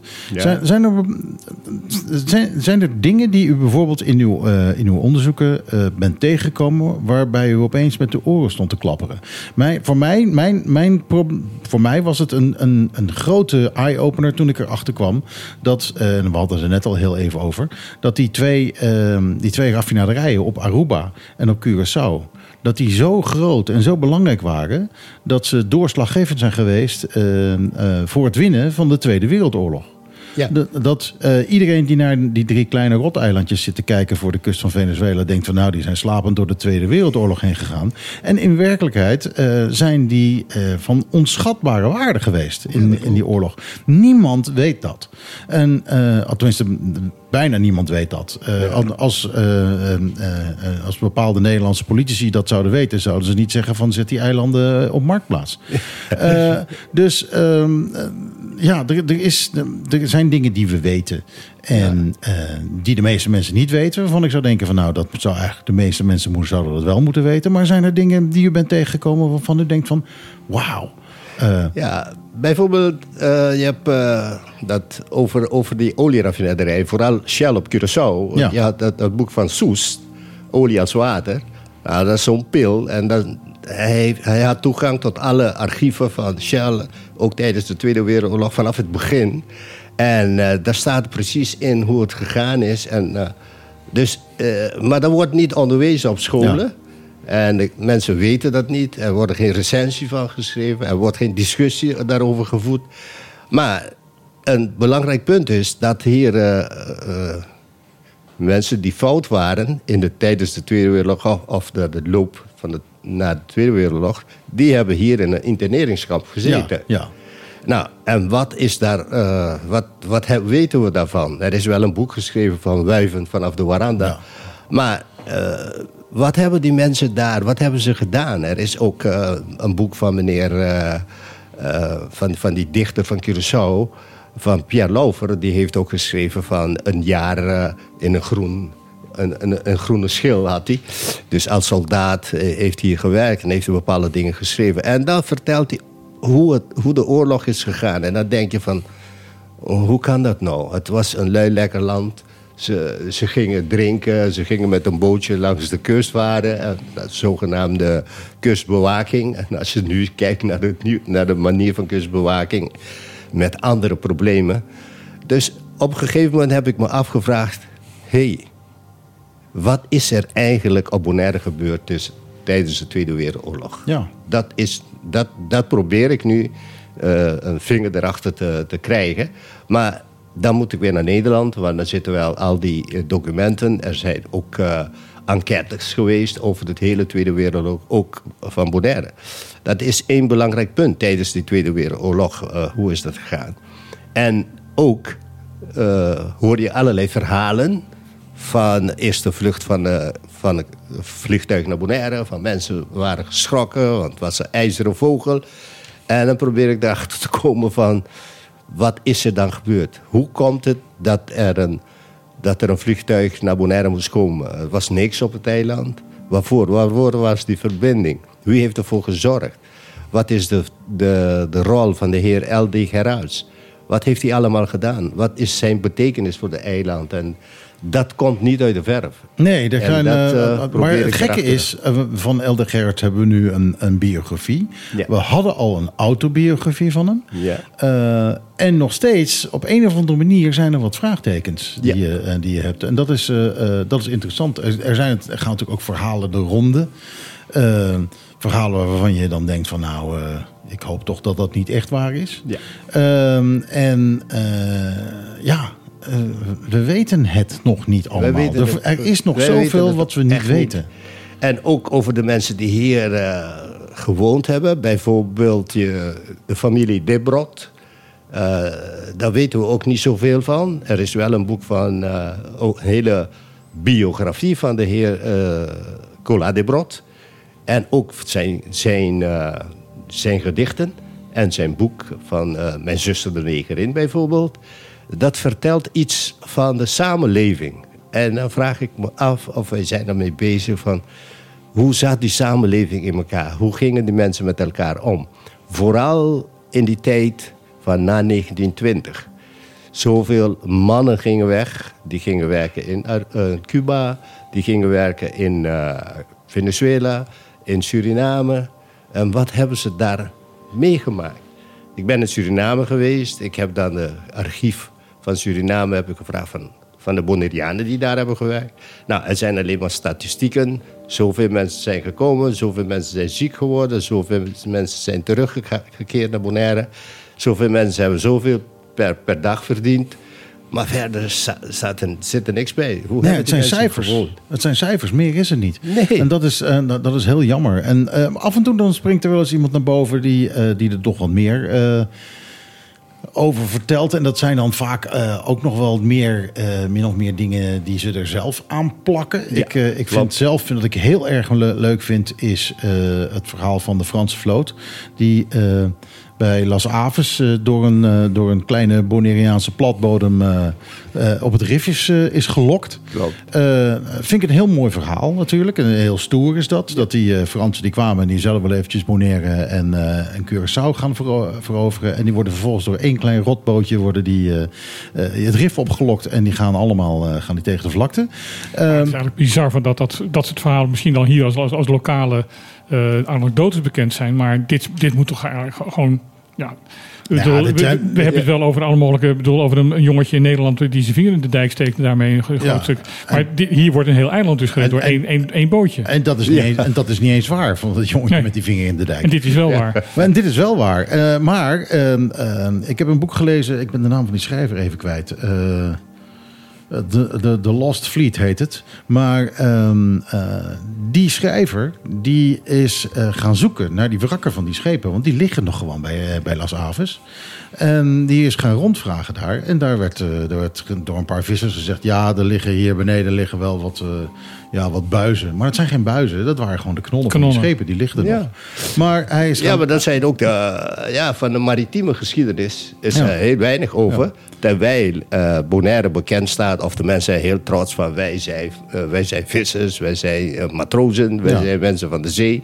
Maar goed, die trots, die trots is, is, is terecht, Zeker. denk ik. Maar het, het grappige is dat die, eh, deze, deze, eh, deze man die dit boek heeft geschreven... die kwam tot de conclusie dat eh, die Spaanse of die die, die Franse vloot die bestond voor de helft uit mensen van de Franse marine, maar voor de andere helft uit huurlingen. Ja. Dat waren, dat waren gewoon trappers uit, eh, uit, uit Amerika. En eh, die wisten gewoon hoe ze zich eh, in het wild levend moesten houden. Dus die spoelden allemaal aan daar bij Las Havens op dat grote eiland. En vervolgens zijn die Fransen allemaal, die zaten aan de ene kant van het eiland. En de huurlingen zaten aan de andere kant van het eiland. Die Fransen, daar ging het heel slecht mee. Die hadden allemaal schuurbuiken, die waren aan het verhongeren. En die huurlingen, die wisten prima hoe ze zichzelf levend moesten houden. En die hadden ook nog wat aangespoelde flessen wijn hadden ze erbij. Dus die, die hebben gewoon een paar maanden feest gehad. Ja, ja. Maar dat waren natuurlijk niks anders dan piraten. Ja. En het blijkt dat een heleboel belangrijke piraten uit die gouden eeuw van de piraterij allemaal daar op Las Avas zaten. En, dat, en, en ja, er wordt min of, ge- min of meer gesuggereerd dat die eigenlijk op dat moment eh, de Caribbean hebben verdeeld met z'n allen. En daar tenminste de eerstvolgende 50 jaar naar gehandeld hebben. En die kenden elkaar allemaal, die gasten. Ja, dat was een heel bekend terrein. Eh, op een gegeven moment had je dan eh, verschillende vloten. Eh, de concurrentie in, in Europa. En je, je kon niet zomaar nieuwe manschappen aan, aanvoeren. Dus je moest hier zelf in de Caribië mensen zoeken voor je vloot. En ook voor de, voor de oorlogen die gevoerd werden in die tijd. En nou, dan had je ook eh, een belangrijk eh, product. Dat was dan de slavernij. De, slaven die, dan, die je dan moest eh, van de andere landen moest zien te veroveren. En ook te verkopen en een goed prijs mee te verdienen. Dus op een gegeven moment was het heel belangrijk. En die schepen die moesten ook onderhouden worden. Dus op een gegeven moment had je ook timmerlieden nodig die dat werk kon doen. En Het schip moet dan geteerd worden. En dan moet ook eh, zeilen gemaakt worden, Ja. touw, touwwerk, al dat soort dingen. Dus je had hier op, in het Caribisch gebied al die vakmanschappen nodig om dat werk voor je te doen. En, eh, en op een gegeven moment had je ook dat die Fransen, die, die hadden niet zoveel zin meer in, eh, hier, in dat hele Caribisch gedoe. Die waren een En- beetje klaar mee. Dat- ja, die waren een beetje klaar mee. En dan had je alleen maar de, de Nederlanders en nog een beetje de, de Engelsen en de Spanjaarden... die nog een beetje eh belangrijke rol gingen spelen. En de Engelsen die hadden, ook, eh, die hadden dat ook bekeken. En na 18, eh, 1850 waren ze ook weg. En dus dan... Maar ja, die Engelsen die, zaten hier eigenlijk alleen maar omdat Napoleon had Nederland eh, eh, Ja. bezet. Ja. Dus er waren geen Nederlanders meer om het hier te runnen. En eh, ik weet eigenlijk niet eens of ze, ze gevraagd zijn om hierheen te komen. Of dat ze gewoon uit zichzelf zeiden van nou, dat eiland daar let nu niemand meer op. Dan gaan wij er maar even Ja. kijken. Nee, want dan heb je ook in jouw programma, hoe vaak heb je gezegd van Sint-Eustatius, vlag A, vlag B, dan weer vlag A, dan weer vlag B, Nou ja, dan weer die. dus op een gegeven moment was het gewoon een makkie om, om zo'n eiland te veroveren. En dan weer, eh, dan had je op een gegeven moment niet genoeg mensen om het te verdedigen. Dan werd het weer eh, veroverd. Maar ja, dat van Nederland, eh, dat op een gegeven moment ging ook eh, West-Indische Compagnie failliet in 1792. En dan was het ook een beetje aflopende zaak. Ja, toen En, was het eh, ook wel even klaar. ja, met, eh, en met ook de slavenhandel werd ook afgeschaft. Dus dan krijg je een ander soort eh, bestuurlijke formatie van het hele Caribisch gebied. En wat je zegt vanuit de, vanuit de Avis-eilanden, dan kan je op een afstand bepaalde dingen regelen. Want je wist, die huurlingen, die wisten precies bij wie je moest zijn. Ja. Dat, dat was dan een soort eh, knooppunt waar dan de, de strategieën en de tactieken eh, bedisteld worden. Ja. En dan, dan, dat zijn de stukjes geschiedenis die niet aan bod komen. Nee, en dat vind ik machtig interessant. Zometeen gaan we nog meer praten over die piraten. Maar eerst ik even een plaatje. Ik heb hier New Shoes. I Can't Wait.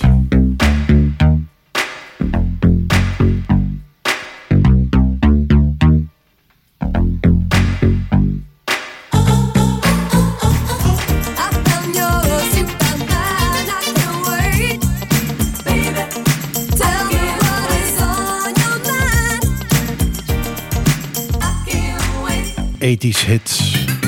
New Shoes, I Can't Wait. Eh, ze treden nog steeds live op, het is niet te geloven. Eh, die mensen moeten ook zo langzamerhand van het podium afvallen. Ehm, eh, piraten. We weten allemaal dat ehm, eh, Rincon is gesticht vrij snel nadat Bonaire ontdekt is door de Spanjaarden.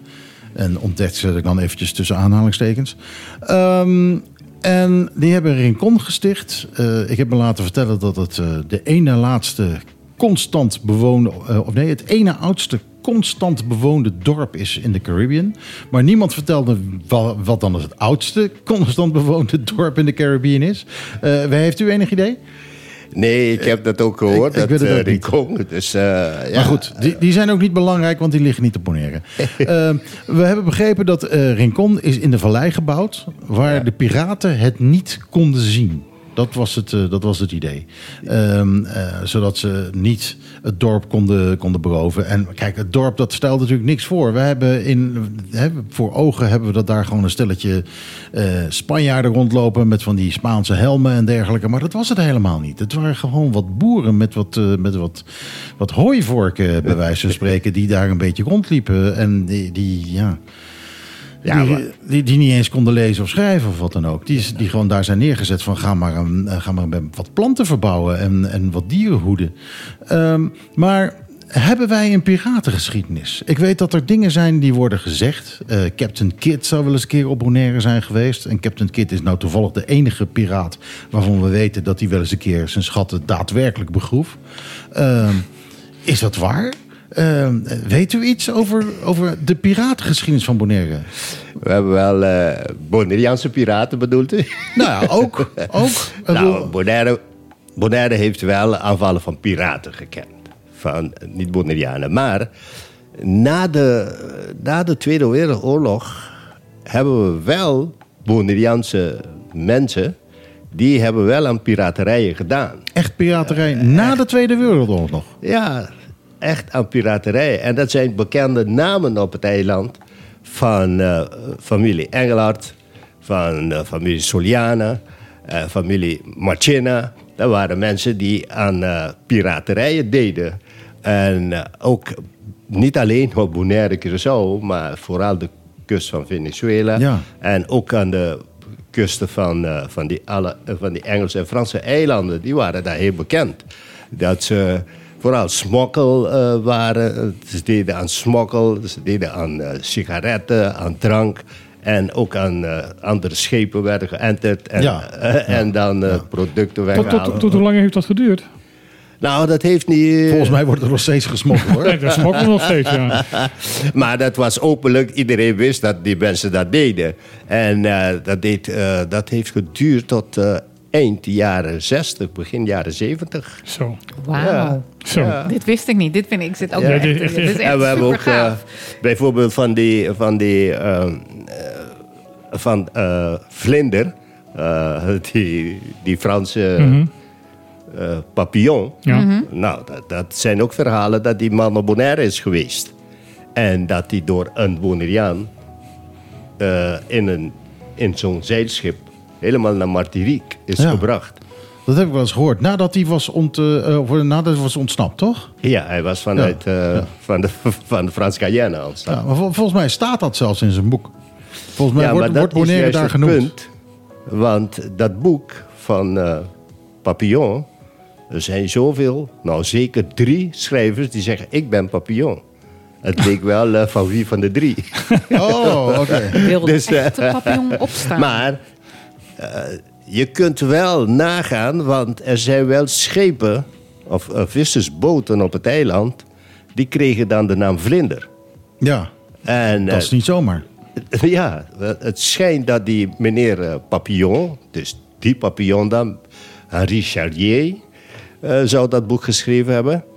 Het is misschien een schuilnaam, maar dat boek heet Papillon.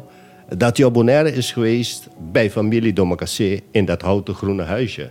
En daar heeft hij een tijdje doorgebracht. En daar zou eh, dan hij die mensen hebben verteld wat, wat papillon betekent. en, dat, en, dat, en dat in het Nederlands een vlinder zou zijn. Ja, maar het is natuurlijk wel... het- het- je kunt het je voorstellen. Bonaire was dus toen zeker het onopvallende slapende eilandje. Ja. Eh, dus als je, eh, ja, als je gezocht wordt, je bent een eh, ontsnapte boef... eh, ja, dan ga je natuurlijk de minst opvallende plekken opzoeken. Ja. Eh, en, en dan is Bonaire eigenlijk heel erg voor de hand liggend. Ja. Dat zijn toch Maar dan is fantastische het- dan is het verhalen. ook Gekke de vraag. geschiedenis is dat. Maar de vraag is, hoe komt hij in contact met juist die boef van Bonaire? Ja, ja, ja. Ja, ja, ja. ja. Ja. Dus er is dan op een of andere manier bekendheid van wie wie is op het eiland. Hij, hij, hij is natuurlijk niet zo eh, op de Bonnefoy naar Bonaire toe gegaan. Nee. Hij, nee. hij, hij, hij, hij moet dus contact hebben gehad en dacht Ja. van, daar ben ik veilig. Ja, hij is, ja, nou ja, hij goed. is in Colombia geweest. En dan heb je op een gegeven moment juist die kust... waar dan eh, de Bonaireanen naartoe gingen. En dat waren dus eh, mensen die die, die, die, die, die, eh, hoe heet dat, die vissers of die, die zeelieden kenden van Ja, Bonaire. En wie, wie ze waren. Het is natuurlijk altijd zo geweest. Eh, Bonaire is lekker rustig, want geen hond weet waar het ligt. Nee. Dat, is, eh, dat is altijd geweest hoe, eh, hoe het was. Ik denk, als je nu naar Nederland gaat en je vraagt tien mensen van... eh, wijs die op deze kaart Bonaire aan... dan wijzen ze ook allemaal Jamaica aan of iets dergelijks. Dat, Ja. niemand weet het. Nee. Niemand maar weet dat, het. Maar dat zijn de geschiedenissen die, die we dan moeten onderzoeken. En, en, dat, en dan op, op een bepaalde manier geef je dan bekendheid aan het eiland. Hoe beroemd het eh, geweest is en waarom het zo gegaan is. En dat het een andere eh, richting eh, de geschiedenis is ingegaan. Niet zoals Curaçao en Aruba, waar het allemaal om industrie gaat en over dat de agrarische toestand helemaal verwaarloosd is. En dat Bonaire op een gegeven moment wel, hele, tot in eind jaren zeventig, wel agrarisch gebied was. Ja. En, eh, maar daarna, Terwijl ze ondertussen op Curaçao ons alleen maar liepen uit te lachen... omdat we zoveel ezels hadden. ja. Eh, maar ondertussen, eh, eh, zij hebben hun eiland verpest. De Ja. Arubanen hebben hun eiland verpest. En wij hebben het nog. ja. En toen kreeg we je... we moeten nu wel erg uitkijken dat we het nu, nu, nu verpesten. ja. Ja, dat is absoluut het geval. Maar eh, dat vind ik ook wel belangrijk. Dat mensen zich ook nu bewust worden van het feit dat we nog zoveel hebben. En daarvoor heb je de geschiedenis weer nodig. Ja, ja inderdaad. Ja, maar dan heb je dat er zoveel onderzocht moet worden. eh, zoals bijvoorbeeld de figuur van Don Stewart, bijvoorbeeld. Ja. Ja. ja. Dat het hele met, met, de, met de heer Domakase. Maar ja, Don Stewart, dat wordt weer een stuk moeilijker. Want die verzond zelf zoveel erbij. Ja, maar dan kun je erachter komen. Dat- want, want het ja, is nee, nog dat- eh, hedendaagse geschiedenis. Je kunt het wel, die ideeën van hem kun je wel ontkrachten door te zeggen van nee, er hebben zoveel mensen hem geholpen. Dus wat hij helemaal mooi vertelt, ligt nog eh, in onze geheugen. En dat is onze geschiedenis. Ja, maar dat verdwijnt ook langzaam. Hè? Dat is ook bijna weg. En eh Captain Don heeft wel een bol opgeschreven. Maar daarbij zegt hij zelf al... van nou, deze verhalen zijn 90% waar. Ja. Eh, waarbij hij aangeeft dat hij 10% er gewoon bij verzonnen heeft. Ja. En, en dat heeft hij natuurlijk ook eh, over van alles. Van, van de gouden verrader eh, eh, aan toe. Dus dat is, eh, ja... eh, Ja, moeilijk, dat zijn- moeilijk. Maar, maar dat, dat is dus de taak van ons om dat boek van Don Stewart even Ja. bij de hand te pakken en zeggen van hé, dat is allemaal gelogen. Eh, maar er zit wel een kern van waarheid in en dat kunnen we eh, mee verder. Ja, Want, maar als je eh, vroeger met Captain Don sprak, dan heeft hij altijd dat over. Nou, when I sank the Hilma Hooker. Nou, ik kan je vertellen, dat heeft hij niet gedaan hoor. Nee, nee. Dat is, eh, eh, dat is de toenmalige havenmeester Berenos geweest. En, eh, eh, en mijn vader, die, die was havenloods hier. Nee, maar dat zijn dus dingen die je eh, heel gemakkelijk recht kunt zetten. En eh, je moet je afvragen, eh, twee dingen. Moeten we dat doen? Kunnen we het laten als eh, verhalen van Bonaire, wat ook mooi is? Nou, het is verder nu niet zo belangrijk natuurlijk. Of, eh, of het nou Captain Don was die, eh, die, die, die de sluizen openzette... waardoor de Hilma Hoeker is gezonken of iemand anders. Dat is niet zo. Maar er zijn natuurlijk wel echt wel belangrijke dingen. Ja. Ehm, ik ben bijvoorbeeld heel benieuwd... daar is volgens mij ook nog nooit onderzoek naar gedaan... Hoeveel wrakken er nu eigenlijk aan de oostkant van Bonaire liggen?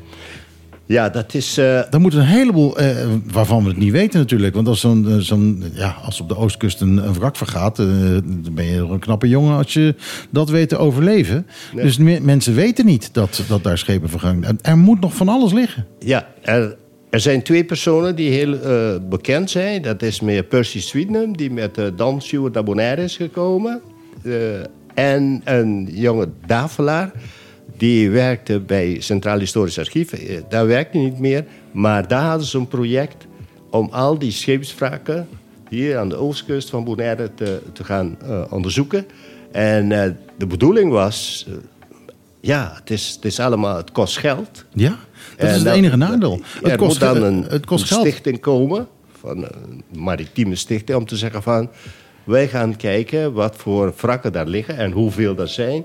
En wat zit er in die wrakken. Ja, maar gewoon met een sonar. Ik, ik ben ervan overtuigd dat er echt nog wel, eh, wel daadwerkelijke schatten liggen aan de oostkant van Bonaire. Ja, ja. Eh, eh, maar ook een schatten aan historische kennis. Juist. En dat moeten we hebben. En we moeten kijken, wat gaan we daarmee doen? Wat gaan we met de archeologische vondsten doen? En waar gaan we die bewaren? En wat, wat voor waarde hebben die voor ons? Dus eh, Ze, ze maken deel uit van de puzzel. Die grote, Ja. die grote puzzel waarvan we niet weten eh, hoe groot die is Nee. en hoe ver die teruggaat. ja. Maar dan moeten we eerst een bewustzijn creëren bij de mensen om te zeggen van... hé, hey, Ja. de geschiedenis van Bonaire, dat heeft te maken met... Die schepen die daar liggen, die zijn niet zomaar eh, voor, de, voor de fun Nee, natuurlijk gezonken. niet. Ja, nee. Dus ze hadden een bedoeling hebben om hier te zijn. Ja, die hebben in een storm gezeten. Dat is eigenlijk gewoon het, eh, precies hetzelfde geweest in 1600 als wat het was eh, toen in, wat is het, 19, eh, 1978 of zo, de sterke Jerker verging. Die was onderweg naar Curaçao. Ehm, hè, dat was het vlot. Dat, eh, dat willen ze bewijzen. Dat je met een vlot van Nederland naar Curaçao kon gaan. Nou, ze waren er al. De fanfare stond er klaar op Curaçao. En toen kwamen ze hier bij de Noordkust langs. En daar kwamen ze dan net niet voorbij. Toen zijn ze allemaal vergaan op de, eh, op de Noordkust. Ja. En, eh, en die fanfare stond voor niks in Willemstad te wachten.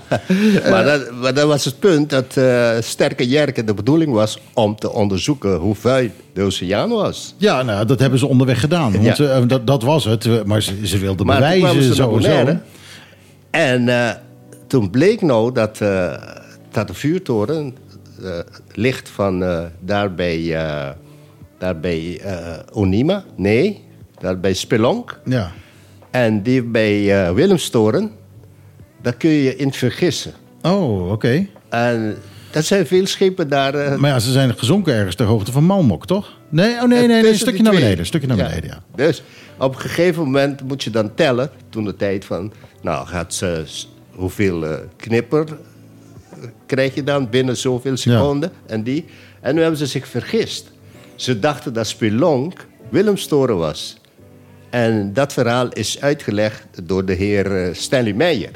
Oh, ze waren zich waarschijnlijk alvast aan het indrinken voor het feest wat ze op Willemstad zou- zouden krijgen. Dus ze wilden die bocht nemen. En toen zagen ze dat er nog een... eh, Dat er nog een stukje eiland over was. Ja, juist. dus, eh, maar dat is nog niet eh, verholpen. D- dit nog, je bedoelt, je kunt je nog steeds makkelijk vergissen. Die codes liggen nog steeds te dicht bij elkaar. Zo'n schip kan verdwalen of Ja. de kapitein let niet op. En dan kun je weer... eh, Maar goed, dan moet je je voorstellen, eh, de eerste, eh, eerste vuurtoren was de Willemstoren. Dat was 1839, als ik me niet vergis. ja, voor die tijd was er geen vuurtoren. ja, maar na st- sterke jerken wel. Ja, ja, ja, ja. Maar, maar goed, voor die tijd was het er niet. Dus hoe, hoeveel, hoeveel schepen die weet ik wel wat aan het doen waren, Spanjaarden, Fransen, I don't know. Hoeveel van die schepen hebben. Ja, maar voor 1839 zijn die schepen vergaan. Ja, Ja. precies. En, en, en, die weten we niet. We weten Ja. niet welke schepen dat zijn. We weten niet wat voor schepen dat zijn. Hmm. En nou ja, daar kun je op een gegeven moment kun je erachter komen als je ziet bijvoorbeeld waar die kanonnen gemaakt zijn, eh, wat voor kanonnen dat zijn. Eh, eh, misschien heb je geluk en vind je, vind je munten. Eh, misschien vind je, eh, vind je mokken, kroezen, eh, wijnflessen. En die geven allemaal geven die een beetje aan wat voor, wat voor dingen dat zijn. Fort Oranje toen. Met J. Havens, die heeft dan onderzoek gedaan. En hebben ze van die, van die, van die pijpen, van die, van die Ja. Nederlandse pijpen Ja. gevonden. En ook eh jenever, van, eh, dus scherven van die flessen. En eh, ook eh, bepaalde producten die typisch Nederlands zijn. Ja. Dus, en, eh, maar van, die, van Fort Oranje, daar weten we heel weinig. Ja. Ja, ik ik heb- eh, moet er helaas tussenkomen. ja, ik hoor het eindtoontje. Eh, deze, dit, deze uitzending is geschiedenis geworden. Ja. ja. nou, en voor ons al op een of andere manier niet, want hij is nog niet uitgezonden. Maar aan de andere kant, op het moment dat jij dit hoort, is hij wel uitgezonden. Oh, moeilijk, moeilijk. Filosofie. Oh, ik kan er niet aan. eh, ik kom er niet meer bij. Eh, ja, nou jongens, dit was op de klippen ehm, van deze week. Volgende week zijn we er weer. Eh, weer met een, met een opgenomen aflevering. Maar de laatste van de opgenomen afleveringen. Zometeen hoor je na twee uur de Kla top 20 met de markies van Megahit FM Ron. Die dan vertelt wat de grote hits van Bonaire zijn. Arthur Silly, ik wil je ontzettend bedanken voor dit gesprek. En eh, wij gaan volgens mij nog uren door zometeen als we klaar zijn met opnemen. Want eh, ik, ik hang aan je lippen. Ehm, dus volgende week zijn we er weer van 12 tot 2. Dan hoor je weer op de klippen met ja, nieuws. Nou ja, dit, dit is Nee, wat minder nieuws. Ja, achtergronden. ouds, achtergronden. Achtergronden. Achtergronden, dat doen we even Ja. deze, deze tijden. Eh, ik hoop dat je, dat je hiervan genoten hebt. Volgende week zijn we er weer. En wij zeggen nu met een zeer welgemeende glimlach... Ajootje cadeautje. Iedere zaterdag tussen 12 en 2. Live met Michiel en Martijn. Wat een feest! Dit is op de klippen. 901.1.